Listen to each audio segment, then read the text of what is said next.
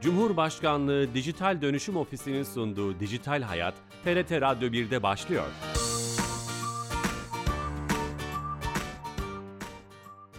Herkese merhaba, ben Bilal Eren. Teknoloji ve dijitalleşmenin hayatlarımıza etkilerini ve sonuçlarını ele aldığımız Dijital Hayat programımıza hoş geldiniz.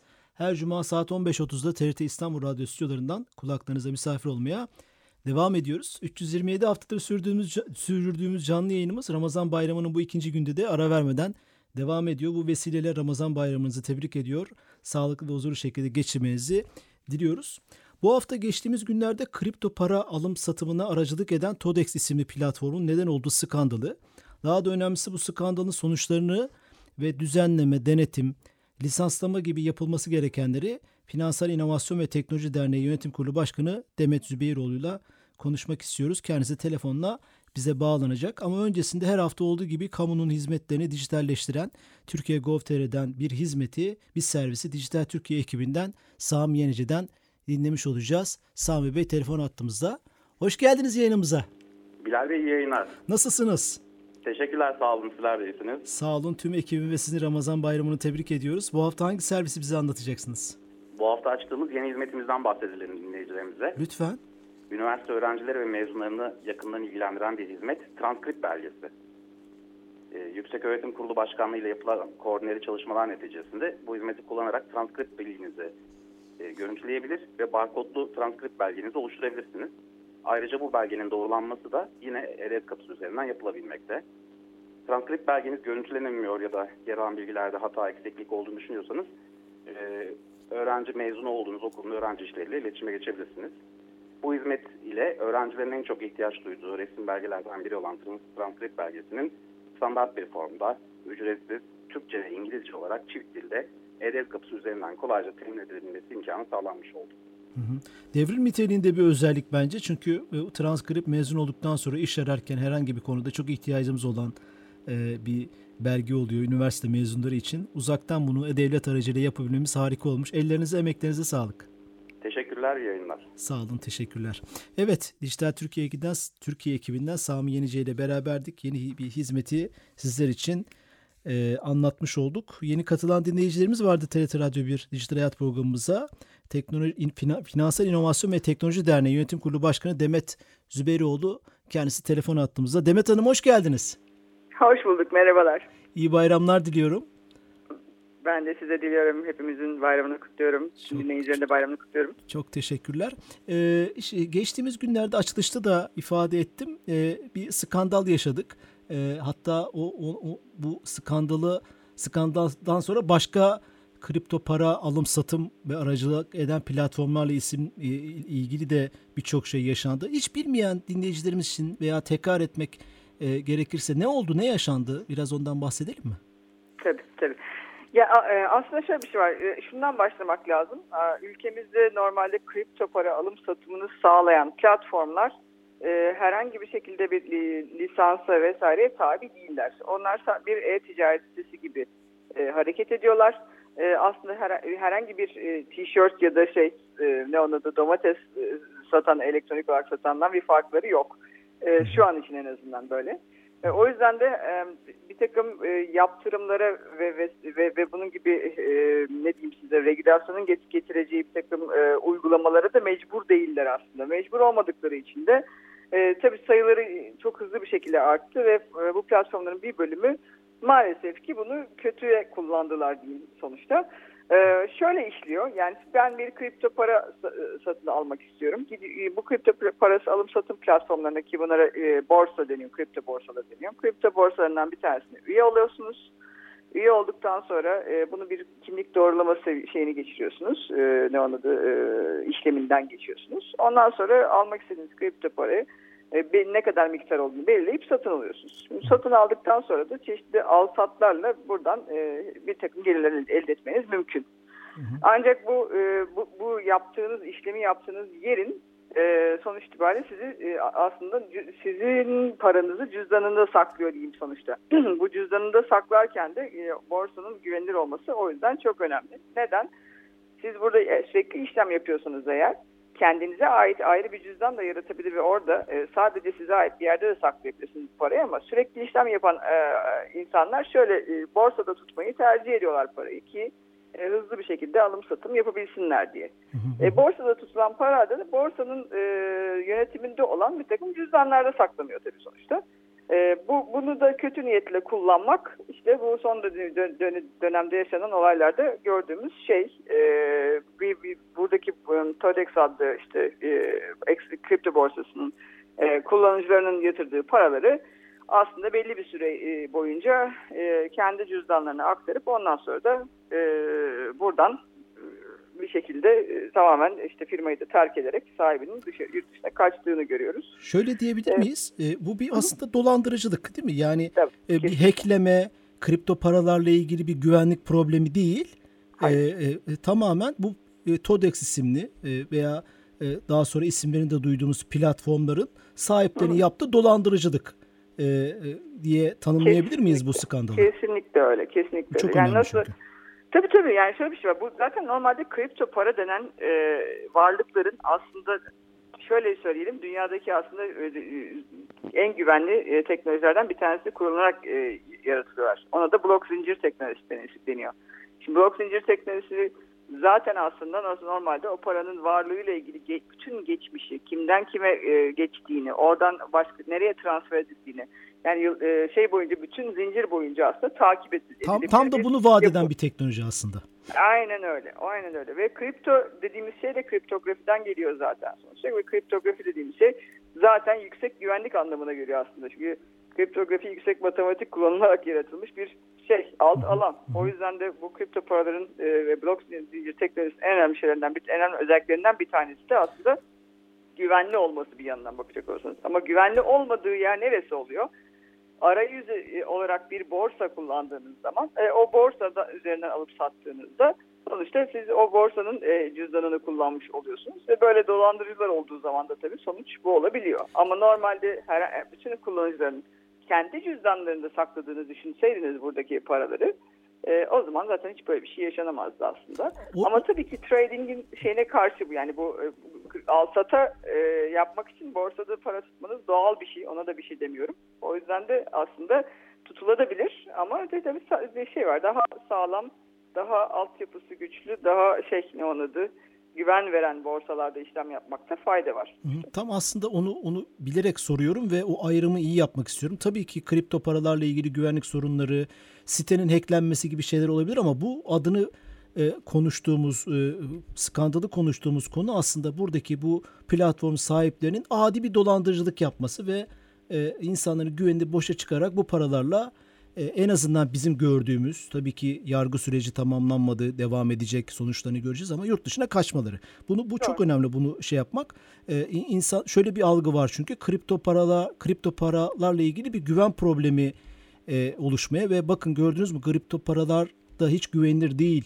E, e, buradaki paralarınız birileri tarafından hackleniyor gibi bir algı da oluşmuştu. Bunu söylemek önemli. Bir şey daha söylüyorsunuz. Bu çok aslında bunu da sormak istiyorum. Kripto para borsası diyorsunuz. Şimdi borsalar bildiğimiz kadarıyla değil mi? Türkiye'de SPK'ya denetlemeye, denetime tabi ama buna borsa demek ne kadar doğru? E, bir denetimi yok demiştiniz e, sözünüzün başında. O yüzden aslında normalde hukuki tanımlara bak tanıma bakacak olursanız yani biz tabii sonuçta halk arasında onu kripto borsası diye tanımlıyoruz. Ama aslında normalde hukuki tanımda e, onlar kripto para alım satım platformu evet, olarak geçiyorlar. E, o yüzden de şu an için herhangi bir regülasyona falan bağlı olmadan Türkiye'de çalışıyor. Ama bunun hani yurt dışında örnekleri var. E, regülasyon yapılmış ülkeler de var. E, regülasyona tabi olmak isteyen bir sürü borsa da var açıkçası. Diğer çürük elmalardan ayrışmak için. Ya, yani ülkede regülasyon varmış gibi çalışan borsalarımız da var öyle söyleyeyim. Yani alım satım yapan bir aracılık platformu bu aslında değil mi? Borsa diyemeyiz Kesinlikle. belki de. E, e, ya evet evet aynen. Şu anda bir aracılık platformu gibi çalışıyor. Aynen öyle. Ama ya oysa bir şey şey var. Şimdi dijital varlıklar, kripto paralar aslında dijital varlık olarak e, adlandırıldığı için sonuçta e, bir varlık alım satım platformu olunca ona da direkt e, şey var. Yani e, Türkçesinde borsa diye tanımladığımız için borsa diyorlar yani sonuçta kripto borsası. Dünyada da hani genel tanımı e, öyle geçiyor. O yüzden de Türkçe'de de kripto borsası diye kullanılıyor. Yoksa bu evet yani gerçekten bir alım satım platformu e, bunlar. Ama şöyle bir şey var. Yani farklı farklı yani dünyadaki farklı örneklerine baktığınız zaman aslında gerçekten birer borsa gibi davranan örnekleri görüyoruz. O yüzden de yani biz aslında normalde Finansal İnovasyon ve Teknoloji Derneği FinTR tarafında bu anlamda da çalışmalar yapmaya çalışıyoruz. Yani regülasyonda neler olmalı, nasıl olmalı, e, bu, bu borsalar diyeyim ben gene e, ya da alım satım platformları nelere uymalı ki yani insanlar daha da gönül rahatlığıyla işlem yapabilsinler. Onlar üzerinde çalışmalar yapıyoruz. Aslında belki de ilk başta e, kavramları e, iyi tanımlamak. Aslında onları onları da güzel anlatıyorsunuz. Hani varlık nedir, dijital varlık nedir, e, e, gayrimaddi varlıklar sanırım e, bir düzenleme çıktı yakın zamanda bu skandaldan Hı. önce. Onları gayrimaddi varlıklar olarak tanımlamıştı. Gibi bu tanımlar etrafında da kavramsal çerçeveyi oturtmak lazım başta. E, bu skandalı e, sonucunda 391 bin kişinin mağdur olduğu e, söyleniyor. Oradaki durum ne? Hani bu skandalı daha iyi anlamak, anlatmak için soruyorum. Ya şöyle bir şey var tabii şey, yani borsada sürekli para tutan e, şeyi adedini e, kullanıcı adedini yani şey var e, tam olarak net olarak bilemeyiz ama yani yaklaşık bir rakamdan söz ediliyordur yüksek ihtimal diye düşünüyorum. E, burada tabii borsanın toplam kullanıcı sayısı daha fazladır ama sürekli para tutup da orada işlem Aktif yapan. işlem yapan. Hı hı, aynen aktif işlem yapanların sayısı olabilir bu. Hı hı. E tabi bunların arasında çok daha fazla e, miktarda para kaybedenler de olmuştur. Çok daha düşük miktarlarda para kaybedenler de olmuştur. Ama sonuçta insanların parası bu. o yüzden de yani en önemli ikinci şey ne oldu sağlıktan sonraki. O yüzden e, şey tabii yani büyük bir ne diyeyim e, mağduriyet. kötü imaje yani, yani aynı zamanda kötü bir imaje neden oldu. Hem mağduriyet çok büyük e, hem de kötü bir imajda oldu. Niye? Sonuçta aslında sanki kripto paralar e, bundan sorumlu ve işte Tukaka gibi bir e, imaja neden oldu. Hatta bu yüzden Türkiye'de kurulmuştu düzgün çalışmakta olan e, borsaları da etkiledi bu. E, ve insanlar aman bir, burada da mı gider acaba deyip para çekmeye kalkma e, kalkma gibi durumları oldu. Halbuki böyle e, yani normalde Türkiye'nin Türkiye'de teknoloji geliştirmiş yapılar var bunların arasında. E, ki bunlar da aslında bizim değerlerimiz öyle bakacak olursak. Doğru. E, on, onlar biraz e, silkelendiler. E, bu yani iki taraflı bir şey. Tabii ki oradaki kullanıcı mağdur. Ama aynı zamanda sektöre çok kötü bir damga vurmuş oluyor bu hareketler. E, inşallah e, yani yavaş yavaş bu konuda adımlar atılmaya başlanacak diye düşünüyoruz. Evet, demin dediğiniz çok doğru bu arada. Onun altını çizmek isterim. Tanım çok önemli. Dediğiniz o e, geçici bir düzenleme var. Merkez Bankası'nın e, geçici bir düzenleme bir, düzen, bir yönetmelik çıkardı. O yönetmelikte ilk defa tanımlandı e, Merkez Bankası tarafından kripto paraların ne olduğu. Ama o tanım da aslında e, tam olarak yeterli bir tanım olmadığını düşünüyoruz biz. Daha da geniş kapsamlı olması gerekiyor. Neden? Çünkü Merkez Bankası'nın tanımı çok doğal olarak ödemeler ekseninden bakarak aslında e, tanımladılar onu. Çünkü ödemelerde kullanılmasını e, engel e, koydular. O yüzden çok doğal. Yani ama biraz daha kapsamlı olması gerekiyor. Çünkü bunların çeşitleri var kripto paraların. O yüzden biraz daha kapsamlı bir tanımla başlanması ve ona göre onun üzerinden düzenleme yapılması çok daha sağlıklı olacak diye düşünüyoruz. O düzenleme ile ilgili görüşlerinizi de söylemiş oldunuz. Bu 391 bin kişinin buradaki e, e, varlıkları e, ne olacak peki? Şimdi bu TODEX isimli platformun hiçbir regülasyona, denetime tabi değilse borsada diyemiyoruz. Bir lisanslama lisansı da yok. Ee, e, yargı sürecinden başka buradaki mağdurların yapabileceği bir şey var mı? Ee, yok herhalde. Ya açıkçası maalesef yok. Ee, çünkü şey yani bunlar dediğim gibi normalde herhangi bir tişört aldığınız bir platformdan bir farkları yok. O yüzden de yapabileceğiniz tek şey bir de yani dolandırıcılıktan ve dolayı şey yapmak, e, dava açmak. Zaten davalar açılmaya başlandı şu anda. E, örnek göstererek de zaten dava açma süreci de gittikçe kolaylaşacak kullanıcılar için sonuçta. E, o yüzden de şey var yani şu anda yapabilecekleri tek şey hukuk sisteminde kendi şey haklarının bir şekilde takibini yapmaya çalışmak. Onun dışında zaten geçmişe doğru işte e, zaten sistemlerine el konuldu ama hani geçmişe doğru bir takım e, şeyler yapılacak. Ne e, denetlemeler yapılacak. İşte kimin e, ne kadar parası olduğuna dair bir e, şey çıkartmaya çalışacaklar. E, adalet adalet tarafında mecburen sonuçta emniyet e, yüksek ihtimal bu araştırmayı yapacaklar, yapıyorlar.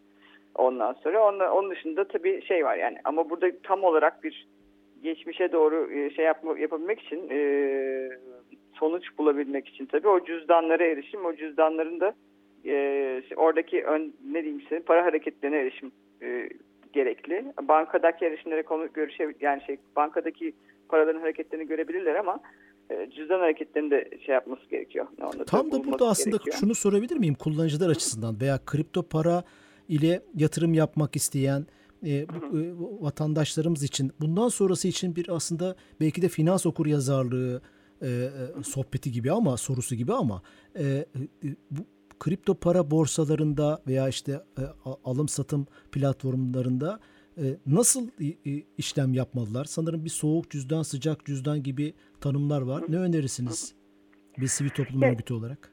Şöyle bir şey var. Şimdi tabii biraz önce e, aslında biraz açıklamaya çalıştım. Orada e, tabii ki siz bir soğuk cüzdan edinebilir ve orada kripto paralarınızı e, saklayabilirsiniz. Soğuk cüzdan dediğim şey aslında bildiğiniz donanım. Yani bir donanım da saklıyorsunuz onu. Onun da zorlukları var sanırım değil mi Demet Hanım? Bazı zorlukları evet, var. Evet. Tabii tabii. Çünkü şöyle bir şey var. Yani siz onu donanımı yanınızda bulundurmanız lazım. Eğer herhangi bir şekilde al-sat yapacaksanız o parayı direkt tekrar borsanın e, hesabına aktarmanız, o borsanın üzerinde tekrar al-sat yapmanız lazım gibi şey, sıkıntılar var. O yüzden zaten insanlar sürekli al-sat yapanlar özellikle yani trader dediğimiz insanlar e, mecburen yani bir, bir, bir kısım paralarını borsada tutmak zorunda kalıyorlar sonuçta. Ee, burada sıcak cüzdan dediğimiz şey de yani siz kendiniz de işte bir takım şeyler var. Yani Metamask gibi e, şeyler e, kullanabileceğiniz sıcak cüzdanları ayrıca var. Orada borsada trade'den sonra Metamask gibi cüzdan, cüzdanlarda kendi cüzdanınızda ayrıca tutabilirsiniz. Ama ben şunu yani illa böyle olacak diye e, e, böyle olması gerekiyor diye diyemem. Çünkü gerçekten işi, işini düzgün yapan borsalar da var. E, bunun işte hem soğuk cüzdanlarda işte farklı şey lokasyonlarda e, tutup e, insanların yatırımlarını bunu şey yapan, özen gösteren, ayrıca işte trading platformda işte yüksek güvenlik sağlayan. Ayrıca şöyle bir şey var mesela kimin kim olduğunu işte bunu know your customer diyoruz İngilizce'de. E, kimlik yani şey ne anladığı doğrulaması. Kimlik doğrulamasını düzgün yapan birçok borsamız var. E, sadece Türkiye'de yurt dışı borsalardan da düzgün çalışanlar var. Orada aslında borsa seçimi yaparken biraz daha dikkatli olmaları Dikkatten neyi kastediyorsunuz? Borsa seçimindeki dikkatten onu aşmak lazım biraz aslında kısaca. Yani şöyle bir şey var. Aslında şu an işini düzgün yapanlar dediğim gibi daha henüz e, müşteri alırken bile içeri belli oluyorlar diye diyebilirim. Yani daha içeri alış sürecinde hemen sizi içeri almayıp sizin gerçekten siz olduğunuzu kanıtlamak için bayağı bir e, çaba sarf ediyorlar. Mesela bu skandala ismini konu veren Todex'in işini düzgün yapmadığını nasıl anlayabilecekti? Reklamlar yapmış, ünlüleri çıkarmış, e, her yerde Türkiye'nin en iyi platformunun diye reklamlar veriyor. 400 bin kişi üye olmuş. Yani burada aslında e, kullanıcılar için bu konuda e, yatırım yapmak isteyenler için bayağı zor bir konu değil mi bu? Öyle gözüküyor. Yani kesinlikle şöyle bir şey var. Aslında ben şunu söyleyebilirim. İşte ya, yani Türkiye'de belli başlı zaten hani bir takım oyuncular var. Yani Türk, Türk borsası olarak. Onun dışında yurt dışından yani dünyanın dünya çapında büyük olanlarda ülkemizde faaliyet gösterenler var. Ama ben öyle bakmıyorum olaya. Aslında biraz borsanın geçmişine e, herhangi bir şekilde Google'da aradığımız her şeyi bulabiliyoruz artık sonuç itibariyle. Geçmişine, sahiplerine e, ondan sonra onun dışında varsa bir takım bilgileri gene bulabiliyorsun. Sermaye yeterliliğine ki bunu da ticaret de bakabilirsin sonuçta. Bu gibi konulara dikkat ederlerse ve aynı zamanda da müşteri olarak katılmaya e, karar verdiklerindeki sürece dikkat ederlerse orada zaten yüksek bir güvenlik varsa gerisinde de bayağı bir ileride ilerisinde iyi olacaktır diye düşünebilirler. Bu bir. İkincisi ama bizim en büyük ayrıştırmasını istediğimiz şey konu zaten buraya geliyor. Ee, eğer bir lisans ve denetleme ve regülasyon olursa zaten herkes daha içi rahat bir şekilde bu borsalarda işlem yapabilir hale gelirler. Neden? Çünkü o zaman lisans alan kuruluşların belli standartlara uyması gerekecek. Aynı şu anda e-para şirketlerinde ya da işte ödeme kuruluşlarında hadi daha da ileri vakasında bankalarda olduğu gibi. E, aksi halde zaten insanın olduğu her yerde bir dolandırıcılık vakasına e, şey almak, maruz kalmak maalesef mümkün.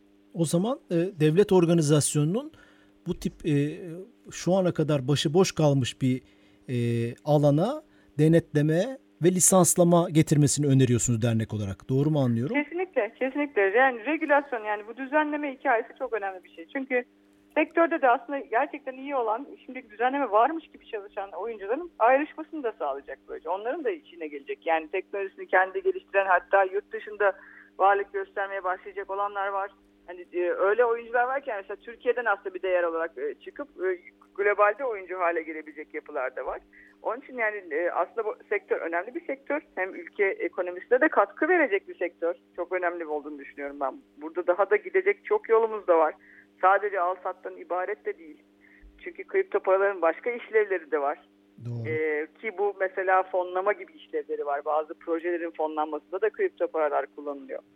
Ee, bu da dediğim gibi ülkeye para çekmek için de çok önemli ve çok değerli. O yüzden e, düzgün bir regülasyon önünü açacak. Ama aynı zamanda da bu tip olayların yaşanmasını engelleyecek seviyede yani böyle ne çok ileri ne çok e, e, bol, gevşek bir orta yolu bulan bir regülasyon zaten herkesin daha da içini rahatlatacaktır. Hem sektörün içini rahatlatacak açıkçası hem de kullanıcı tarafının içini rahatlatacak diye düşünüyorum.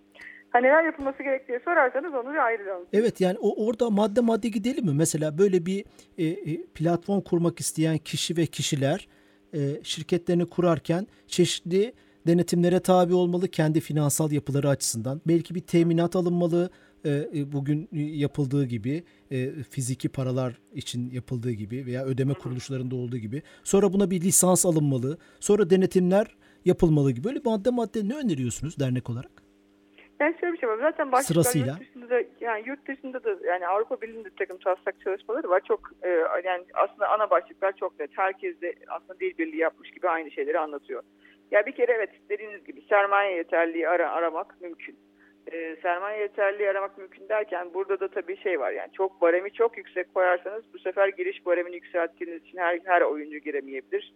E, baremi çok düşük tutarsanız bu sefer çok kalabalıklaşabilir ve gene aslında kakafoni oluşabilir. O yüzden orada da bir optimal bir şey bir sermaye yeterliyle e, en azından sektörün önünü açacak şekilde ama aynı zamanda e, dediğim gibi çürük elmalara inecek bir sermaye yeterliği ayar, aranabilir. Bu birincisi. İkincisi e, kurucu ortaklarla ilgili bir geçmiş e, şey ne onun e, temizliği diyeyim size açıkçası. Bunu kurabilecek yapıda olan insanların olmasını sağlamak bu bir ikincisi. Üçüncüsü tabii ki IT ya bu sonuçta finansal teknoloji aslında bakacak olursanız arkasındaki.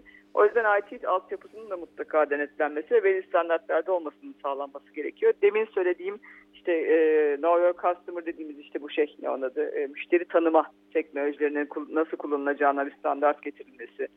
Saklamada nasıl e, bir standartta yapılması gerektiğine ilişkin. Teknik e, anlamdaki IT, yeterlikler teknik, değil mi? Ondan evet, bahsediyorsunuz. Evet, teknik yeterliklerinin kesinlikle tanımlanması, en az teknik yeterliklerin, minimum teknik yeterliklerin tanımlanması.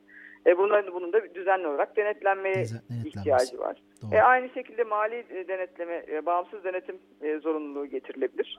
E, bu da aynı, hem şey tarafında, e, bilişim altyapısı, teknik altyapı tarafında hem de mali altyapı tarafında her iki türlü de denetlenme sağlanmış olur diye düşünüyoruz. Onun dışında e, yani dediğim gibi şey var. Teknik altyapıda bazı bazı bir takım daha böyle söylenebilecek işte bir şey var. Sigortalı, sıcak, soğuk cüzdanlı saklama vesaire gibi e, şeyler var. Ne onun adı? Seçenekler. Bunların standartları belirlendikten sonra aslında yani aslında normalde bakacak olursanız finansal servisleri veren diğer e, yapılardan çok da farklı değiller. Bunları getirdikten sonra çok daha hızlı bir şekilde hem sektör büyüyecektir hem de daha güvenli bir şekilde büyüyecektir diye düşünüyorum. Bu araya girip sıcak soğuk cüzdanla ilgili daha iyi anlaşılması için paranın Hı-hı. çantamızda olması soğuk soğuk cüzdan tanımına eşit. Hı-hı. Sıcak evet. e, cüzdan ise paranın bankada olup hemen e, bankanın kasasında olup işlem yapabilme. Böyle tanımlayabilir miyiz sıcak soğuk cüzdan?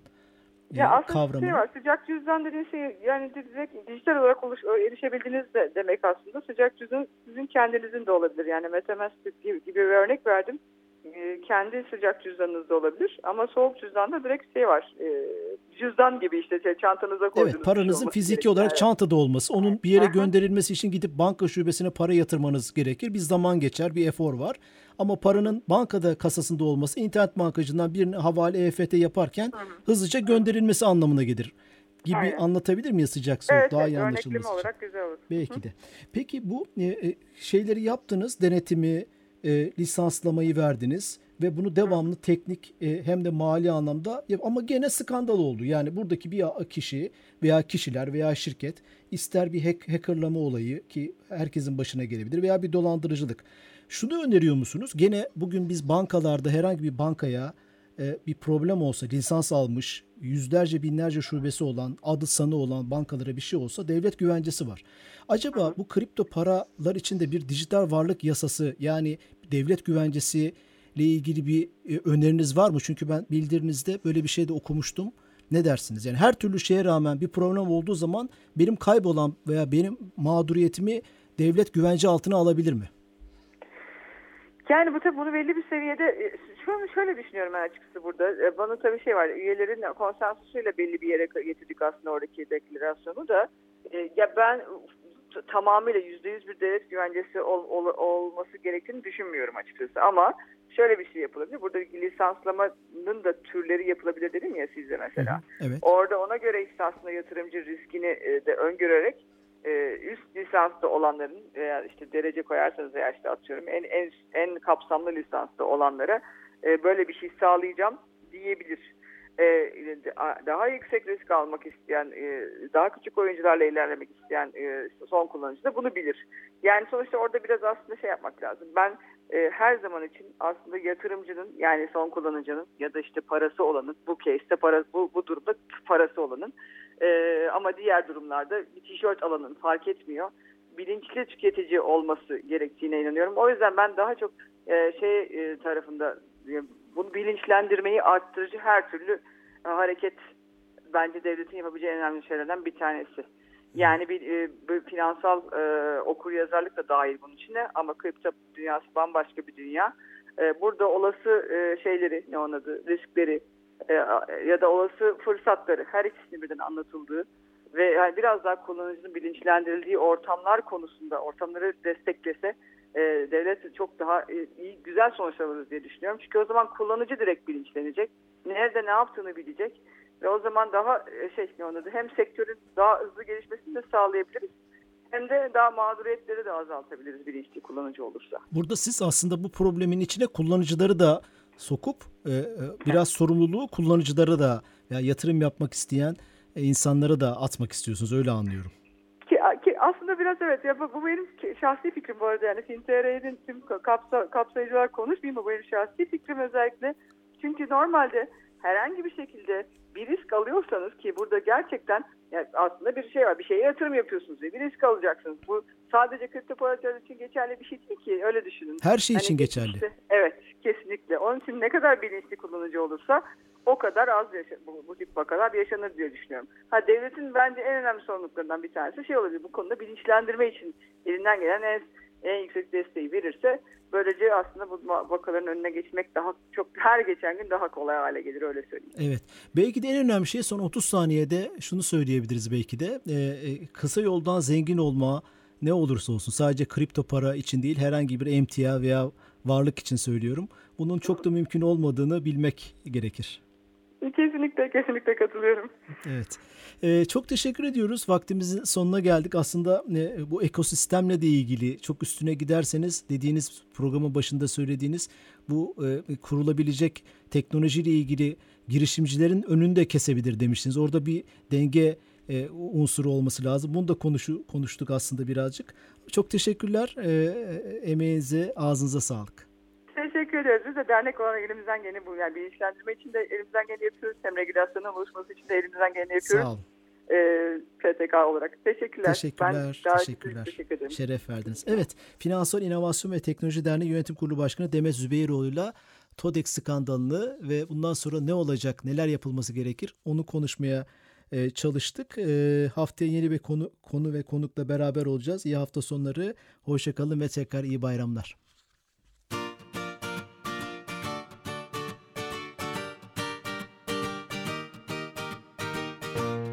Cumhurbaşkanlığı Dijital Dönüşüm Ofisi'nin sunduğu Dijital Hayat, TRT Radyo 1'de sona erdi.